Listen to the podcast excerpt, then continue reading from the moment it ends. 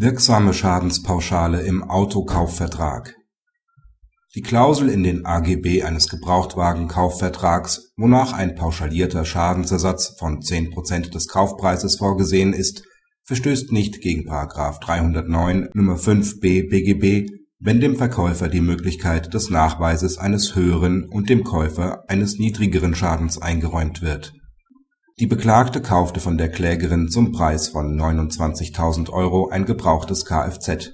Die einbezogenen allgemeinen Geschäftsbedingungen der Klägerin sahen folgende Klausel vor: Erstens Der Käufer ist verpflichtet, den Kaufgegenstand innerhalb von acht Tagen ab Zugang der Bereitstellungsanzeige abzunehmen.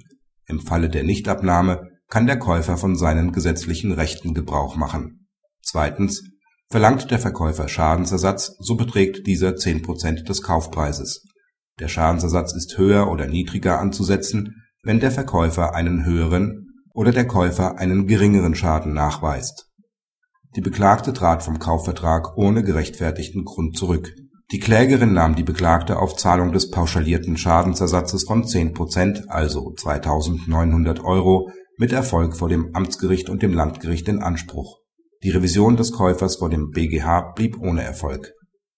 Der BGH führt aus, dass die Klausel nicht gegen § 309 Nr. 5b BGB verstößt. Es muss nicht der Gesetzeswortlaut wiedergegeben werden.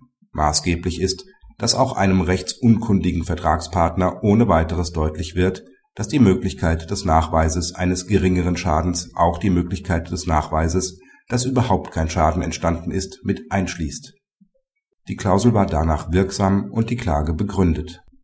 Praxishinweis Der BGH hat in mehreren aktuellen Urteilen zu Fragen des Autokaufs Stellung genommen, so im Urteil vom 17.02.2010, in dem festgestellt wurde, dass die Lieferung eines Kfz in einer anderen Farbe einen erheblichen Sachmangel darstellt und den Käufer daher keine Abnahmepflicht trifft.